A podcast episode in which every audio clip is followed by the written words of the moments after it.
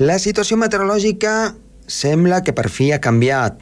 Ha donat un gir de 180 graus respecte al que havíem tingut durant tot aquest hivern. No hi ha grans fredorades, però sí que van arribant precipitacions i la neu es va acumulant. Ho ha fet al llarg d'aquesta darrera setmana i sembla que ho ha de fer en aquests propers dies.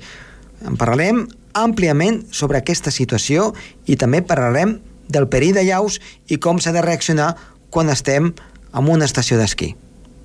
Comença el torn.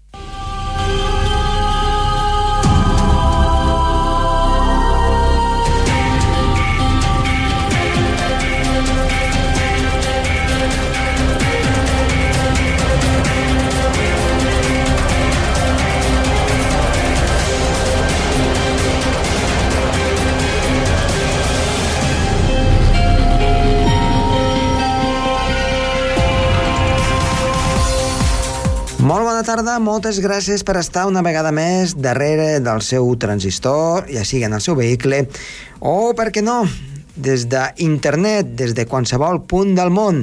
La situació meteorològica pinta molt divertida per aquests propers dies, com dèiem, davallada de les temperatures, nevades que poden arribar, ja veurem en quines cotes, però sembla que no tan sols afectaria al Pirineu, sinó que aniria una mica més enllà.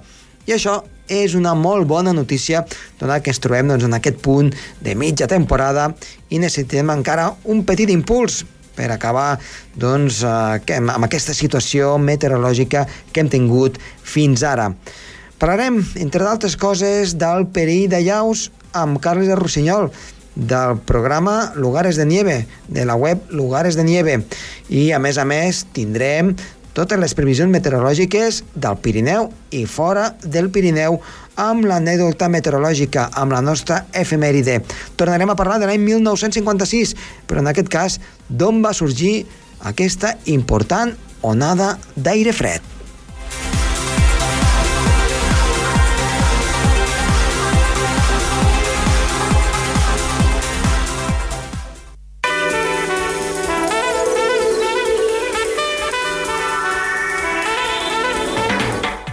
Iniciem el programa parlant doncs, eh, de la situació meteorològica que estem vivint ara mateix. Després doncs, ampliarem una miqueta més pel que és l'àrea del Pirineu, però si parlem fora del Pirineu, per totes aquelles persones que ens escoltin i que vulguin viatjar, atenció, perquè el cap de setmana serà ventós, plujós i nivós. Ho tenim, tenim tots els ingredients. I la setmana que ve una situació doncs, que apunta de ple hivern, fins i tot.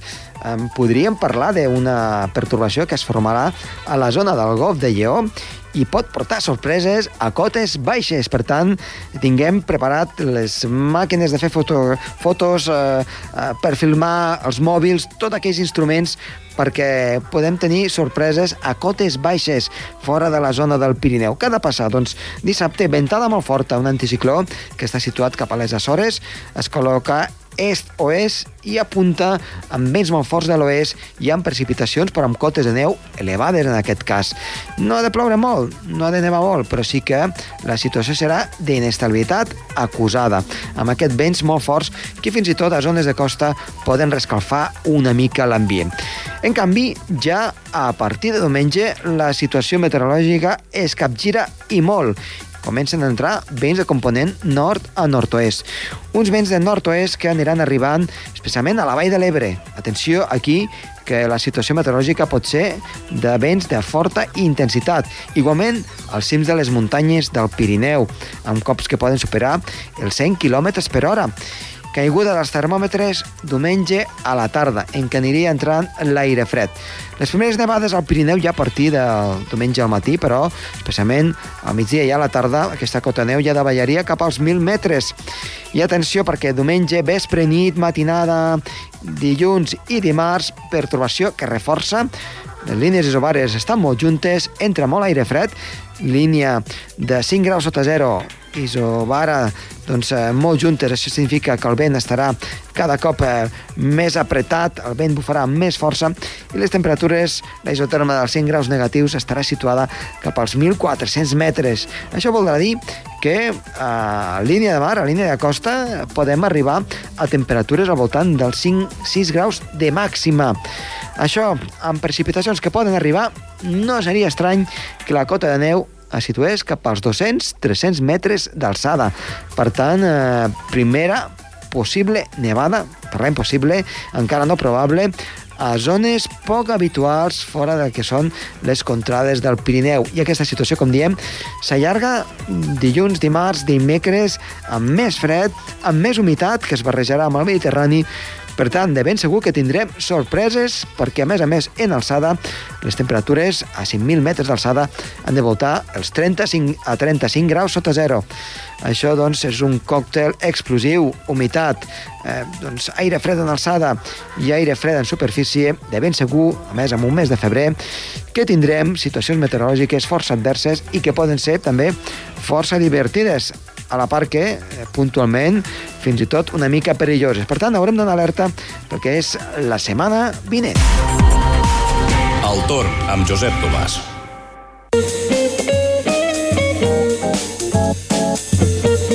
I en l'efemèride d'aquesta setmana parlem de, doncs altra vegada, dels 60 anys de la gelada, diguem-ne, de l'onada d'aire fred siberiana de l'any 1956 que ja se n'ha parlat en d'altres programes, però és que va ser tan intensa que va deixar en el record de moltes persones del sud d'Europa doncs aquesta efemèride molt i molt senyalada. Pensem que van ser tres onades d'aire fred continuades, una darrere l'altra, amb valors que van arribar, per exemple, al Pirineu fins als 32 graus sota zero estan Gento. Per tant, ben a prop d'aquí, del Principat.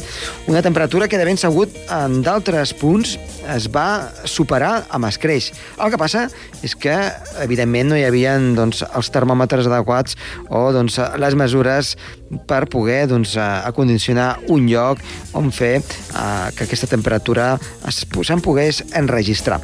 Malgrat tot, sí que hem de dir que de molta neu no n'hi va bé. Va ser més aviat un aire fred i sec. I és que l'aire que ve d'aquestes contrades, de ve doncs, de, de l'est d'Europa, eh, de fet, ve sempre per damunt del continent i aporta més que res fred i sequetat i d'humitat ben poca. Les temperatures eh, van caure en picat, a més a més amb un vent que puntualment va ser fort a l'alta muntanya, de nord a nord-est, per això doncs, va creuar tot el que és el continent europeu i no tan sols va afectar la zona dels Pirineus, sinó gran part de la península Ibèrica, gran part de centre Europa, on les temperatures en alguns punts van arribar a caure fins als 50 graus sota zero. I hem de dir una cosa també, una cosa que a vegades ens diem una mica de mentida, i és que parlem d'aire fred siberià i moltes vegades aquest aire fred no ve de just de Sibèria, ve de la zona dels Urals, de la zona nord dels Urals. Però en aquest cas sí que eh, configuració doncs, eh, molt, molt, molt precisa. En aquest cas van arribar doncs, eh, d'una mica més enllà dels Urals, per tant, va travessar milers de quilòmetres, 4, 5, 6.000 quilòmetres aquest aire que va desfilar fins a arribar cap a nosaltres. Una situació, com diem, que no s'ha donat des de fa 60 anys amb aquesta intensitat. I que doncs, eh, esperem que al llarg d'aquest segle XXI tard o d'hora ens arribi. Els que som meteoròlegs, que ens agrada doncs, molt aquestes situacions meteorològiques, ho esperem en candeletes. Una situació com aquesta no es viu tots els dies i, de fet, per exemple, pensem que en zones de les costes mediterrànies es van arribar a enregistrar temperatures entre els 5 a 10 graus sota zero i fins i tot alguns punts del mar Mediterrani es van arribar a glaçar cosa que tan sols passa cap al Mar Negre. Per tant, eh, una situació meteorològica excepcional que esperem que al llarg del segle XXI es pugui repetir. El torn amb Josep Tomàs.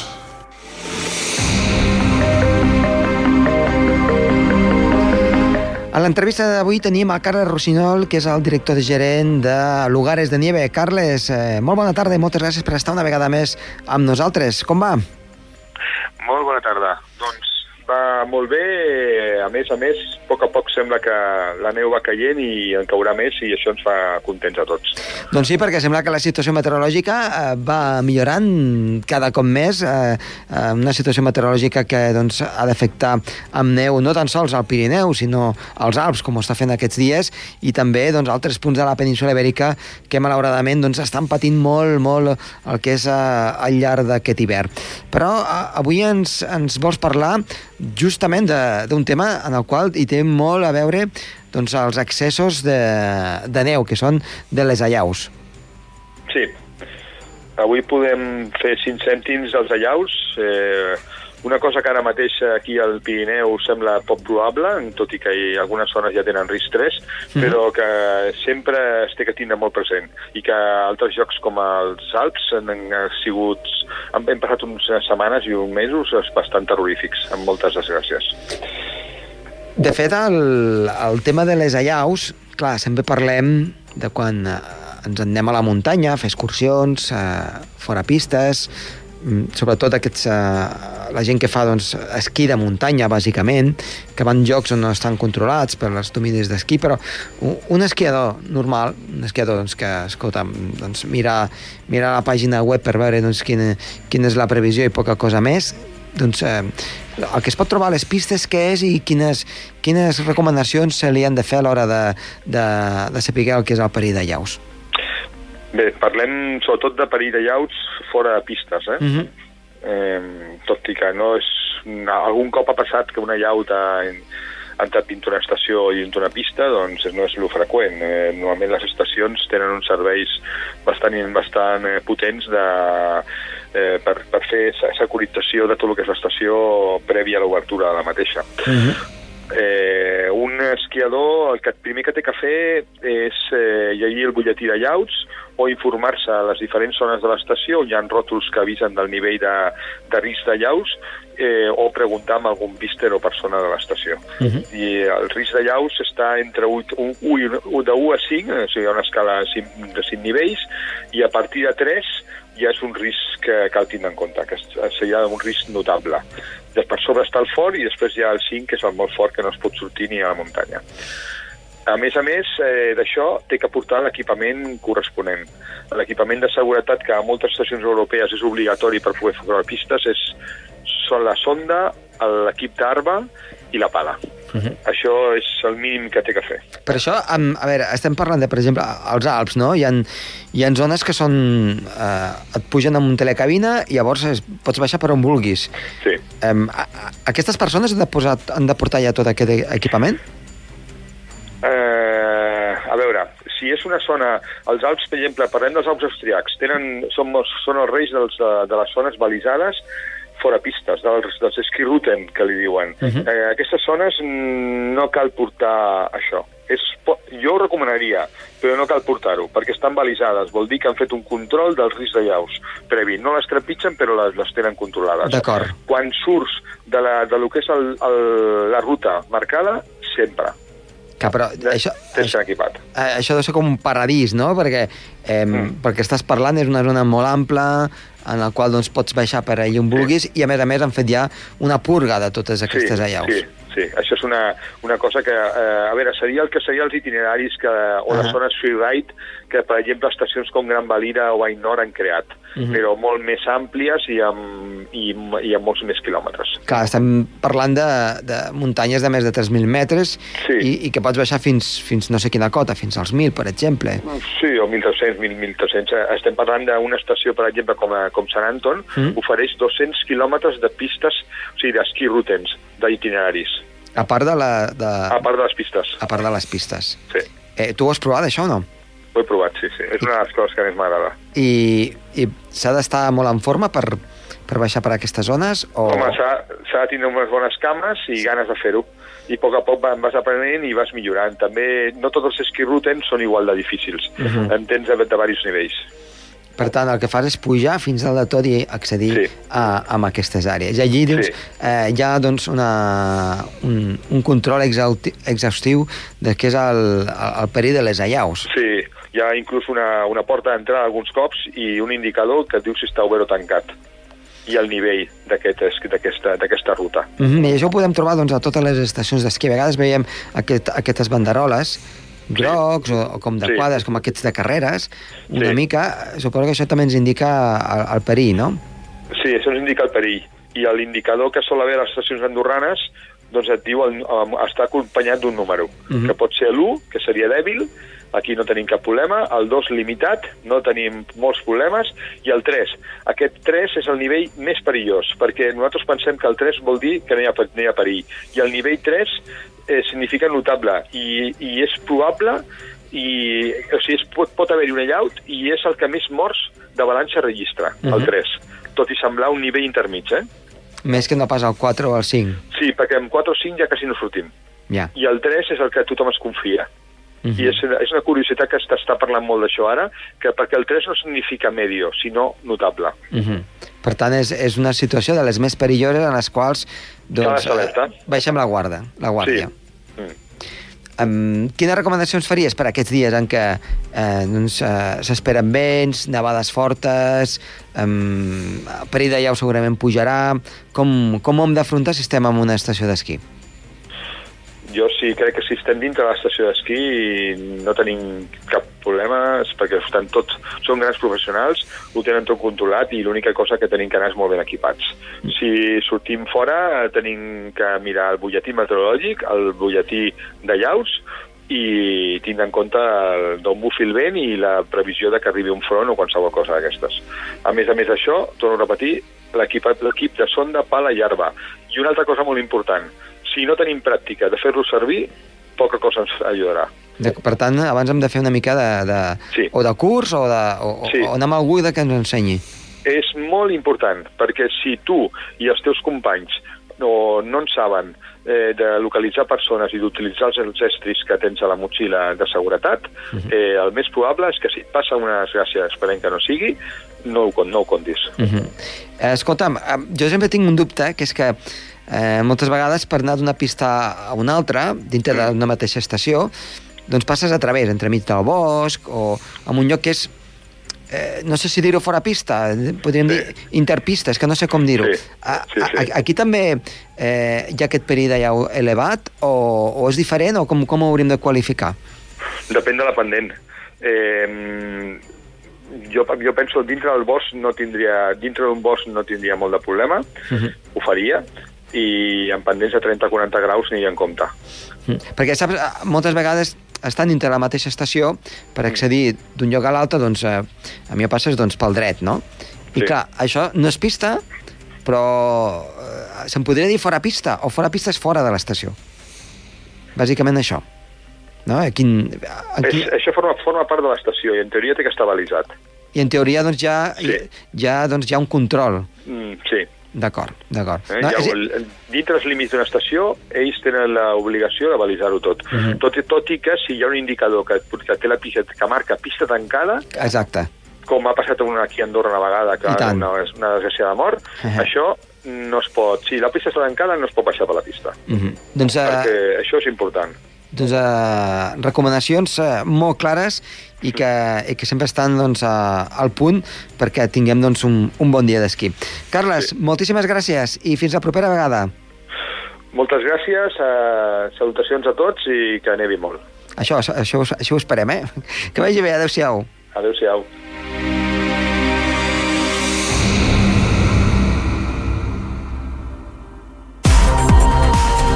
El torn amb Josep Tomàs.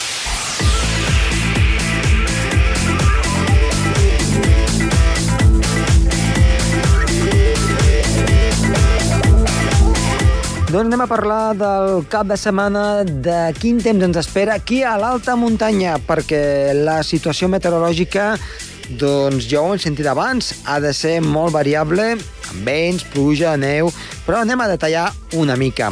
I és que, de fet, el principal del que s'espera és una situació marcada per vents de ponent al llarg de dissabte. Un vent aponentat que, atenció, pot superar els 100 km per hora en alçada i, per tant, aportar doncs, eh, perillositat als cims si es va fer alguna excursió.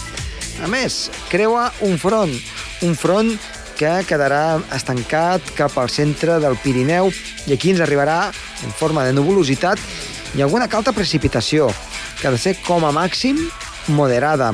I una cota de neu que puja, puja cap als eh, 1.800, 2.000, 2.100 metres. És molt variable i això sí, de precipitacions a cotes baixes, de moment en forma de neu, res de res, perquè aquest vent de l'oest ve una mica rescalfat.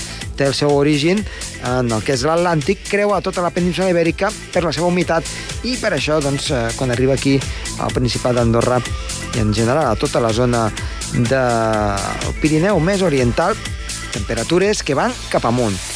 Diumenge, en canvi, canvia la situació. Per què?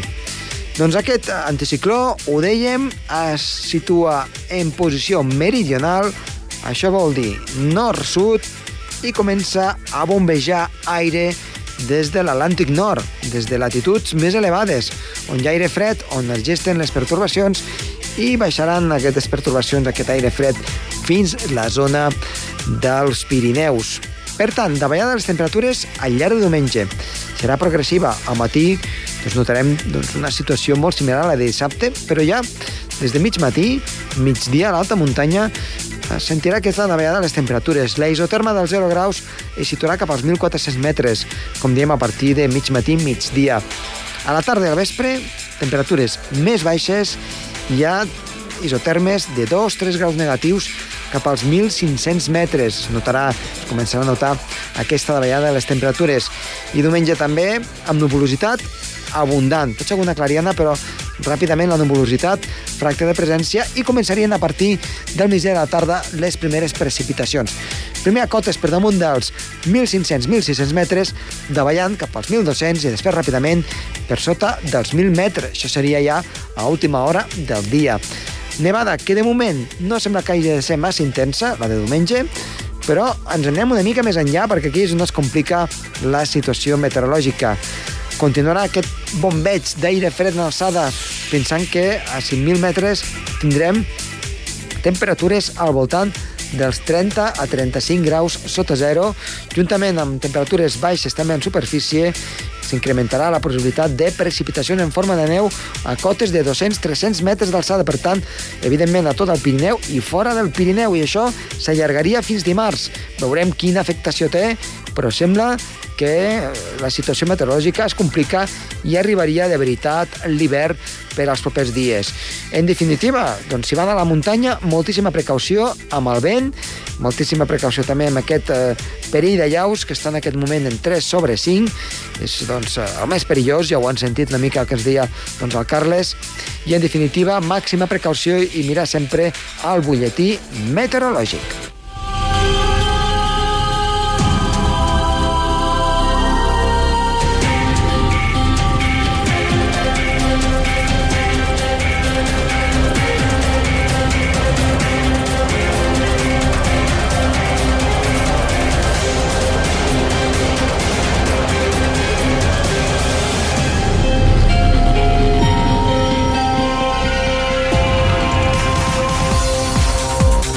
Doncs sapiguem la situació meteorològica que ens espera per aquest cap de setmana. Parlarem la setmana vinent de tot el que ha passat. Ens despedim. Està de les vies de so Andreu Trastoi i qui us ha parlat de molt de gust, Josep Tomàs. Adéu-siau. El torn amb Josep Tomàs.